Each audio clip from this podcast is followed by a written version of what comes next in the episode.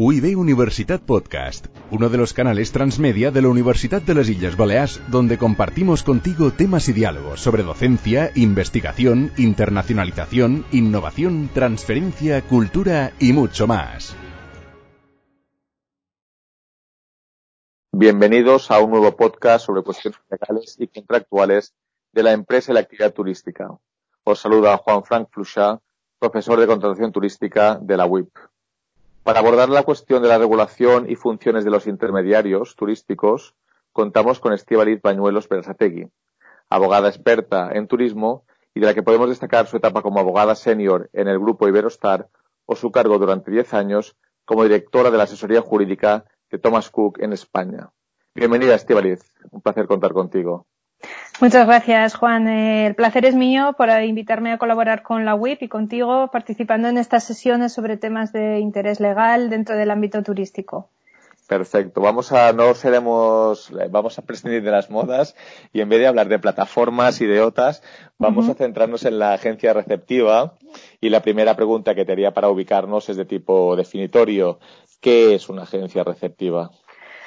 Bueno, pues para que todo el mundo lo entienda, las agencias receptivas son tradicionalmente han sido agencias de viajes, luego veremos más adelante que ya no tienen por qué tener esta denominación, pero son, son agencias turísticas que prestan servicios en destino. Digamos que esta es la característica que les define, ¿vale? Por prestar servicios en destino y, dar eh, estos servicios receptivos, ¿vale? Por eso también se les conoce con varios nombres como receptivos, DMCs, que vendría a responder a Destination Management Company, agencias MICE o MICE por Meetings, Incentives, Conventions o Exhibitions, Ground Operator o Incoming. Pero bueno, al final viene a ser todo lo mismo. Eh, para definir una intermediación turística para unos actores del mundo turístico que se encargan de prestar servicios que también se destacan por ser muy especializados y, con muy buen conocimiento del destino, ¿vale? del medio local donde operan. Entonces, destacar que son parte muy importante de todo el círculo turístico y que después eh, iremos, iremos viendo. Se puede. Cuéntanos, qué servicios y qué clientes o en qué ámbito operarían. Sí, bueno, tienen distintos tipos de clientes y en función de también del tipo de cliente que tengan, también los, los servicios son, son distintos, ¿vale? Puede haber agencias receptivas que den, den, un servicio especializado para grupos, para viajes de incentivos, que estaría dentro de esta clasificación de MICE que, que he señalado antes. Por ejemplo, una empresa que quiere organizar un viaje para ejecutivos suyos eh, y se les monta un recorrido por España, por ejemplo o una presentación de, un modelo de coches nuevos para lo cual se encarga una agencia local que se encargue de, configurar pues todo el itinerario, eh, restaurantes, el local, bueno, y todos aquellos servicios eh, que, pueda, que puedan necesitar. Pero generalmente eh, el servicio clásico de una agencia receptiva es el de traslados y excursiones, normalmente para turoperadores, que son los que tendrían un volumen superior, ¿vale? Destacar que eh, las agencias receptivas suelen pasar bastante desapercibidas, quedan en un segundo plano y no son muy conocidas por el público en general. Por ejemplo, un cliente que venga a pasar unas vacaciones a Mallorca como parte de un paquete turístico o un viaje combinado, eh, desconoce quién le está prestando este servicio en destino, ¿vale? Porque no lo contratan ellos directamente, habitualmente, aunque hay canales para hacerlo, sino que son contratados a través de, la agencia minorista o el, mayorista o tour operador que les ha organizado el viaje. ¿Vale? Eh, lo mismo ocurriría un participante en un viaje de incentivos como el que hemos mencionado antes. Entonces, bueno, volviendo a la cuestión, los servicios que se prestan, lo que hemos dicho, eh, excursiones y circuitos y traslados sería eh, lo básico dentro de, la tour operación, ¿vale? Y también, si tu cliente es un tour operador, la agencia receptiva lo que también presta otro tipo de apoyo al tour operador, tanto a nivel de contratación hotelera, es un enlace muy importante con los hoteles, que son al final el principal proveedor de un, de un, de un tour operador eh, prestándoles, bueno, pues esta colaboración, gestionando sus reservas en casos de overbookings, de un cambio de, de, una reserva, porque, bueno, pues mil cosas que pueden, que pueden surgir un cliente que ya no tiene que venir o que tiene, que quiere cambiar de categoría, etcétera. Todo esto es una labor de las agencias receptivas, ¿vale? Entonces, bueno, eh, el clásico, como hemos dicho, son los traslados aeropuerto-hotel y viceversa, la organización y, venta de excursiones y, circuitos. ¿Vale? También eh, los clientes, aparte de, de los turoperadores y agencias de viajes, como hemos dicho, podría ser también navieras, que al fin y al cabo vendrían a ser similares a un turoperador, ¿vale? Cuando, cuando un crucero llega, por ejemplo, al puerto de Palma y a los clientes se les ofrece una excursión, normalmente esta excursión viene organizada y ofrecida por una agencia receptiva, ¿vale? Y ya más eh, recientemente se ha prestado estos mismos servicios a particulares. ¿Vale? Porque, bueno, con toda la digitalización ha sido más, más fácil acceder a, a los clientes como particulares, un, modelo de negocio B2B mediante la venta online a través de páginas web o incluso otras plataformas eh, en las que tú pongas a disposición tus productos y que eh, puedan ser accesibles para la clientela, los consumidores en, en general esa, esa, última apreciación nos lleva un poco a, y esa expansión nos llevaría a una pregunta que es bastante relevante y a grandes rasgos te pediría una respuesta. ¿Cuáles son los aspectos más relevantes de su regulación sectorial? Bueno, eh, las agencias, los receptivos, digamos, y vuelvo a la denominación de intermediadores turísticos, ahora tienen esta denominación. Bueno, como, sabes, en el 2009 entró en vigor una, una directiva de servicios, ¿vale? De liberalización de, de, las actividades, la famosa directiva Bolkestein, que supuso un cambio de paradigma. Hasta entonces, los servicios de receptivo únicamente podían prestarse por lo que se denominaba agencia de viajes. Bueno, con esta directiva y después su, su transposición eh, dentro del ordenamiento jurídico español, eh, actualmente la ley, la ley de turismo de Illes Baleares, la ley 8-2012, que establece esta libertad de establecimiento y de prestación de, servicios, aquí ya se viene a, introducir mmm, el concepto de intermediador, de intermediación turística. ¿Vale? Y aquí ya se, ya se diferencian las agencias de viajes de los mediadores turísticos o incluso centrales de reservas, pero bueno, ahora nos centraremos en los mediadores turísticos.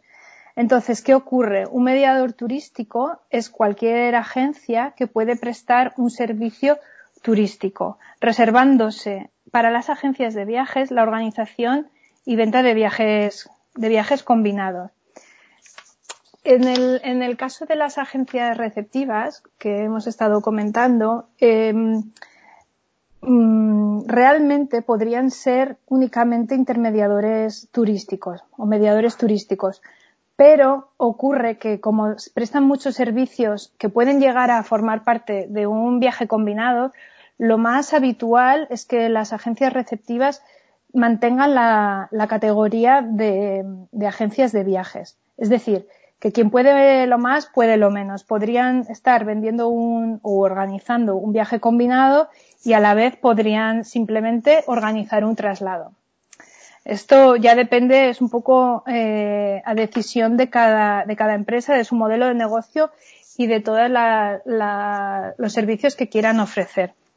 Lo que sí que es importante también de cara al consumidor es que mm, si un receptivo tiene la configuración de agencia de viajes ante turismo, eh, han de prestar unas garantías para el caso de insolvencia y que bueno que garantizan el buen cumplimiento de sus servicios. En el caso de Baleares, las garantías no pueden ser inferior a, a 100.000 euros si se contrata de, a nivel individual o eh, ser equivalente como mínimo al 5% del volumen de negocios de, la empresa. ¿vale? Entonces, bueno, eh, esto ya depende, como hemos dicho, como hemos dicho antes, del nivel de garantía y el modelo de negocio de cada agencia de viajes. También se ha de decir que si se optara por la vía de agencias de viajes, eh, la suscripción de un contrato de seguro, de una póliza de seguro, tendría que ser obligatoria. Pero bueno, esto es un requisito que seas agencia de viajes o no, hoy en día todas las empresas que prestan un, servicio eh, lo cumplen, ¿vale? Además porque, bueno, es una garantía para todos tus clientes y para tu propia tranquilidad, ¿vale? Entonces, bueno, mm, desde el punto de vista de, turismo, digamos que esta es la gran, la gran clasificación, aunque también habría que hacer una mención al tema de los viajes combinados. Como sabes, hubo una directiva del año 2015 que en España se hizo que se modificara la ley general para la defensa de consumidores y usuarios, donde se define que es un viaje combinado, ¿vale? U otros servicios de, viaje, y ahí se introdujo eh, el concepto de servicios de viajes vinculados. Esto significa que, eh, dependiendo también de la actividad que tú realices, puede ser que te aplique esta ley o no. Lo importante, que también lo es para una agencia receptiva, es el concepto de servicios de viajes vinculados. Puede ser, tú eh, realmente no estás vendiendo un paquete, porque puedes estar vendiendo un traslado o puedes estar vendiendo una excursión, ¿vale? Que no estás combinando ninguno de los elementos para eh, turísticos que formen un, un, paquete.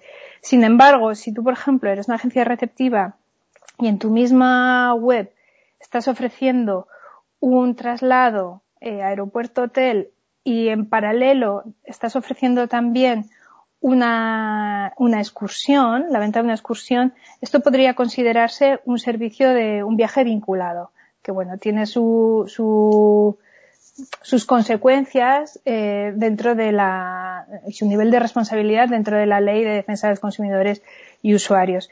Pero bueno, eh, volviendo un poco a, lo que son las actividades principales, esto es un tema más de, responsabilidad y un tema más de, vuelvo a decir, del modelo de negocio que cada una de las de las agencias receptivas eh, opte.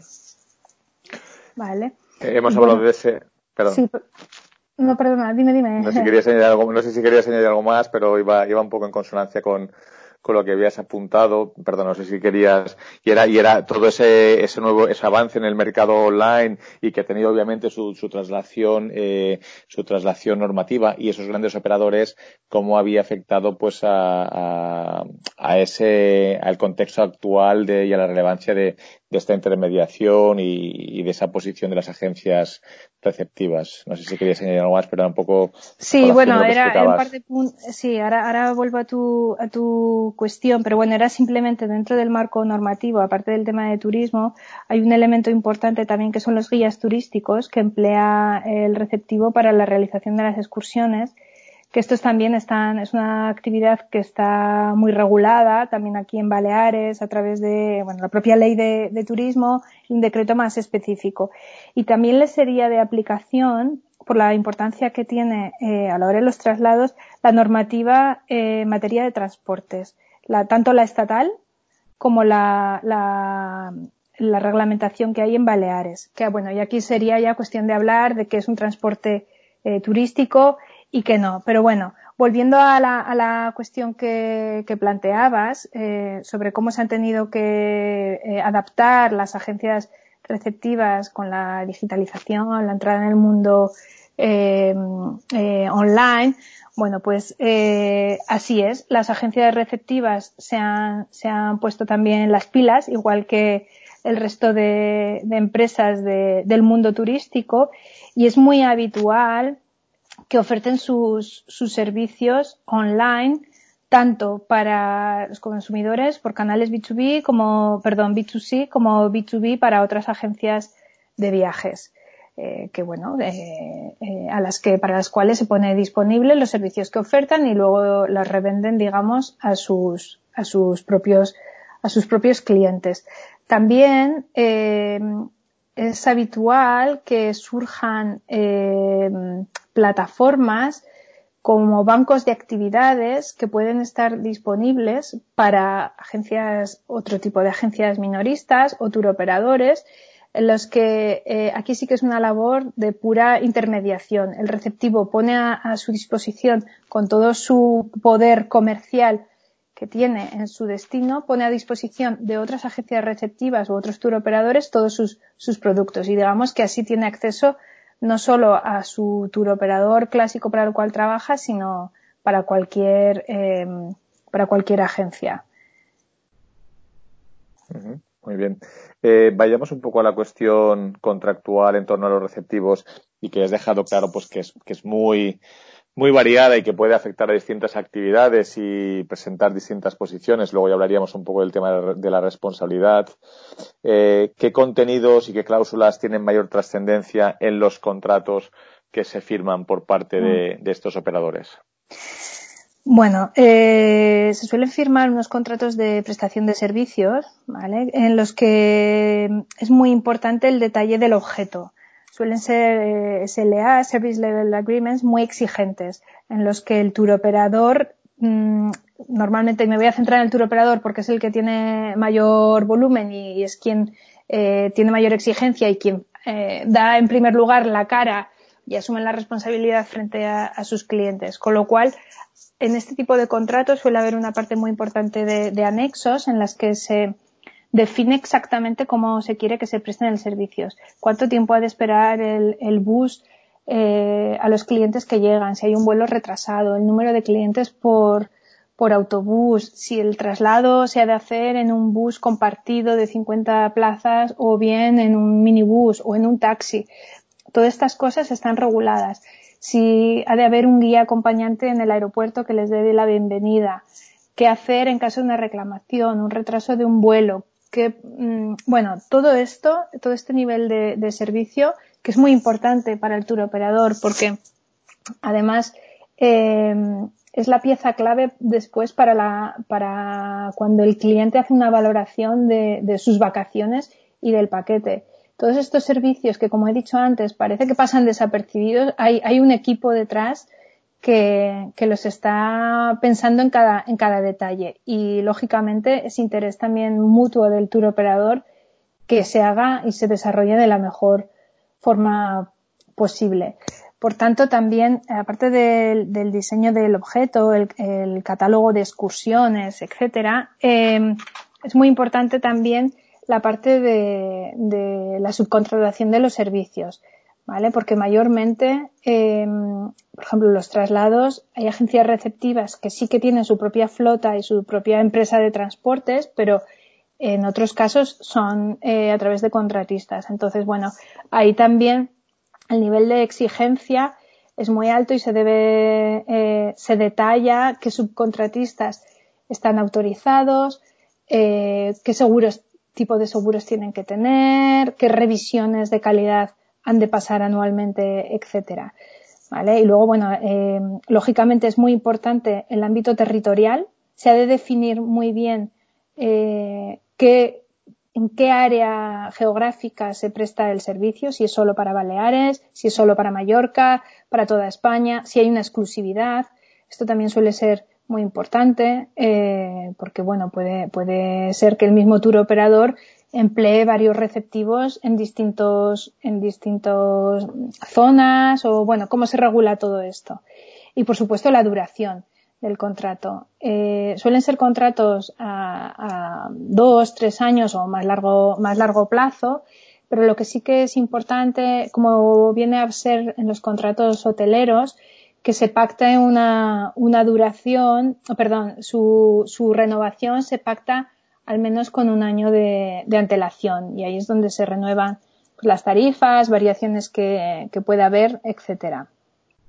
Ligado al nivel del servicio, eh, los seguros, que también una cláusula importante es pactar los seguros, ¿vale? Que suelen ser altos en función del volumen que, del tour operador, ¿vale? Y esto sí que es un tema súper importante porque, eh, como hemos dicho antes, el cliente reclamará en primer lugar al tour operador, el si algo falla o hay un accidente o cualquier incidente, el tour operador después eh, girará hacia su agencia receptiva y es aquí donde entran en, marcha el tema de los seguros. Entonces, eh, para la tranquilidad de todos, es muy importante tener un buen, un buen seguro que cubra toda la, actividad. Mm. Bueno, también hay otros temas clásicos como eh, regular en el contrato el uso de las marcas del tour operador, es decir, que el, que tour operador autorice expresamente al receptivo a utilizar eh, las diferentes marcas que pueda utilizar y, bueno, luego también, lógicamente, eh, la contraprestación que normalmente se puede, se suele pactar base a eh, un fee, ¿vale? sobre los servicios. Depende también si solo vendes excursiones, si solo son traslados, si también hay un tipo de otro apoyo al, al tour operador. Bueno, es, todo esto viene muy detallado en los contratos. Es muy importante también la cláusula de ley y jurisdicción aplicable, porque estamos hablando de contratos con un elemento internacional en el que normalmente el cliente es extranjero y suele ser caballo de batalla. Eh, saber cuál es la ley aplicable y, y cuál será el juzgado de aplicación competente en caso de que surja una controversia. Eh, lógicamente, el tour operador preferirá que sea eh, el de su país de origen, ¿vale? Donde, donde están familiarizados y donde tienen toda su, su artillería. Pero lógicamente, desde el punto de vista del receptivo, eh, es más conveniente que sea el lugar donde se prestan los servicios. En este caso sería localmente. Pero bueno, como siempre, esto suele quedar a la voluntad de, de las partes. Se suele, se suele pactar.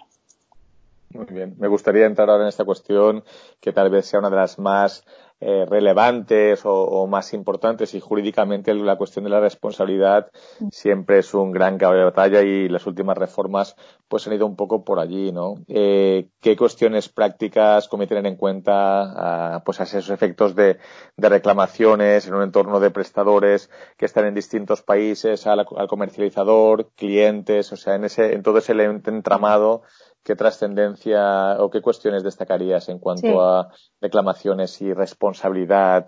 responsabilidad? Sí. Bueno, es un tema realmente muy importante eh, para el duro operador, para la propia agencia receptiva y para el consumidor, que al final es quien tiene que estar eh, cubierto.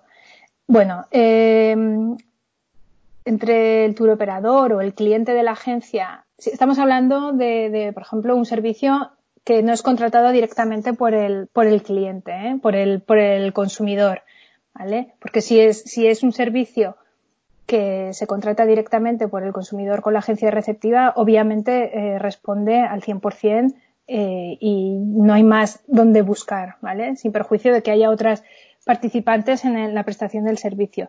Pero bueno, en el caso más típico en el que la agencia receptiva es contratada por un tour operador, Aquí la definición de las responsabilidades de cada uno es muy importante. Como he dicho antes, en caso de, un servicio que no se presta correctamente o en el que ha habido algún incidente, el cliente eh, reclamará en su, lugar de origen normalmente a quien haya comprado el, el, viaje, ¿vale? A la agencia minorista y al mayorista, normalmente, o solo al mayorista. Entonces ahí es cuando eh, debe haber una gran colaboración entre el tour operador y la agencia receptiva, intentar recabar todos los, bueno, los hechos y toda la máxima información posible de qué ha ocurrido en ese, bueno, en ese servicio concreto. Y ahí realmente es un tema muy importante que todos los tour operadores lo tienen cada vez más sistematizado y donde eh, la colaboración es importantísimo, ¿vale? Porque cuanto más información se comparta y antes lo compartas, después mm, muchísimo mejor va a ser la gestión de, esa reclamación y, al final del día eh, mejor servicio vas a poder dar a tu cliente, compensarlo en caso de que sea necesario o defenderle en el caso de que eh, realmente la reclamación no proceda como eh, ha ocurrido en los temas de las gastric illness, bueno, y otros temas que, que han estado muy, muy de actualidad hace, hace un par de años. Entonces, eh, lo que ocurre eh, en estos casos, y también ha sido una, queja eh, habitual de transportistas y de otros proveedores de los turoperadores, es que muchas, muchas, en muchas ocasiones, cuando un cliente interpone una reclamación ante el turoperador en origen, el turoperador eh, se dirige hacia la agencia receptiva y el resto de subcontratistas y hace una provisión de, una reclamación que automáticamente carga a la agencia receptiva. Y luego esta, a su vez, eh, continúa la cadena reclamándolo hacia el transportista, la empresa que haya organizado la excursión, etcétera. Entonces, por eso eh, es muy importante para que no haya ni abusos ni, ni realmente una desatención de las reclamaciones que, esta comunicación sea, sea realmente eh, rápida y se comparta toda la información eh, desde el primer momento, porque es una, realmente es un tema muy importante para luego tu reputación como tour operador y como propia agencia receptiva. Muy bien. Eh, Estivaliz, mm, yo te preguntaría ya para, para concluir, eh, en este, en este ámbito de, responsabilidad y de contratos eh, bien directos o no, eh, el consumidor es consciente de, de, quién le está prestando el servicio y a quién tiene que reclamar, pues en esos casos que tú me has contado, ¿no?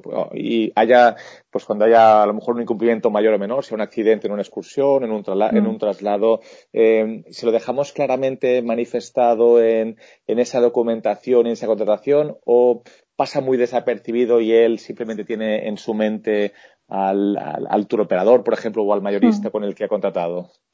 Bueno, cuando es una venta directa, eh, esto es muy claro, porque en todas las políticas de contratación de, de, la agencia receptiva están, están publicadas en las webs a través de las que contratan, estará en su factura, estará en su bono con el que se dirige al traslado, etcétera. Con lo cual no hay ninguna, no hay ninguna duda, ninguna duda. Tampoco la hay eh, si surge un problema y quieres saber quién, quién le ha prestado el servicio. ¿vale? En el caso de una excursión, porque lo mismo, el voucher estará emitido por la agencia receptiva y ahí vienen todos sus datos de identificación, su, su número de registro en, en, turismo, su domicilio, su CIF, etcétera, ¿vale? Y, y, en el caso de que fuera un traslado en el que no ha contado con el, eh, el dato directo, entonces el tour operador Mm, ha de facilitar estos, estos datos. Es muy difícil que un cliente no pueda averiguar que, quién le ha prestado el servicio. De hecho, mm, se, da esta información. Otra cosa es que no se interese por, por esta información o porque no surja ningún problema y tú realmente no, no sepas quién está detrás.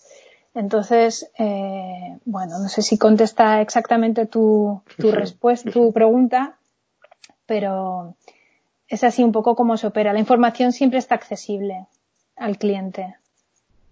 Perfecto. Entonces, que el, el, legislador, esa obsesión por la información y la transparencia, creo que la ha trasladado en bastantes normas y seguramente los operadores son bastante fieles a cumplir con esas, Sí, no, claro que sí. Además hay otro tema que es el de tema de protección de datos. Entonces, eh, toda la información está súper acotada de qué información se tiene que traspasar eh, del tour operador al, a la agencia receptiva, al transportista, para que cada uno tenga exclusivamente lo que tiene que tener y al mismo tiempo el cliente sepa quién, quién está manejando esta, esta información.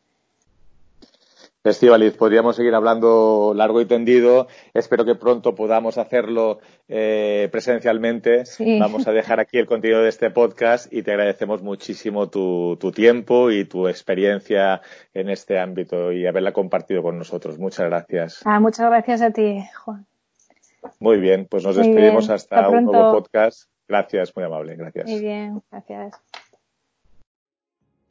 UIB Universitat Podcast, uno de los canales transmedia de la Universidad de las Islas Baleares, donde compartimos contigo temas y diálogos sobre docencia, investigación, internacionalización, innovación, transferencia, cultura y mucho más.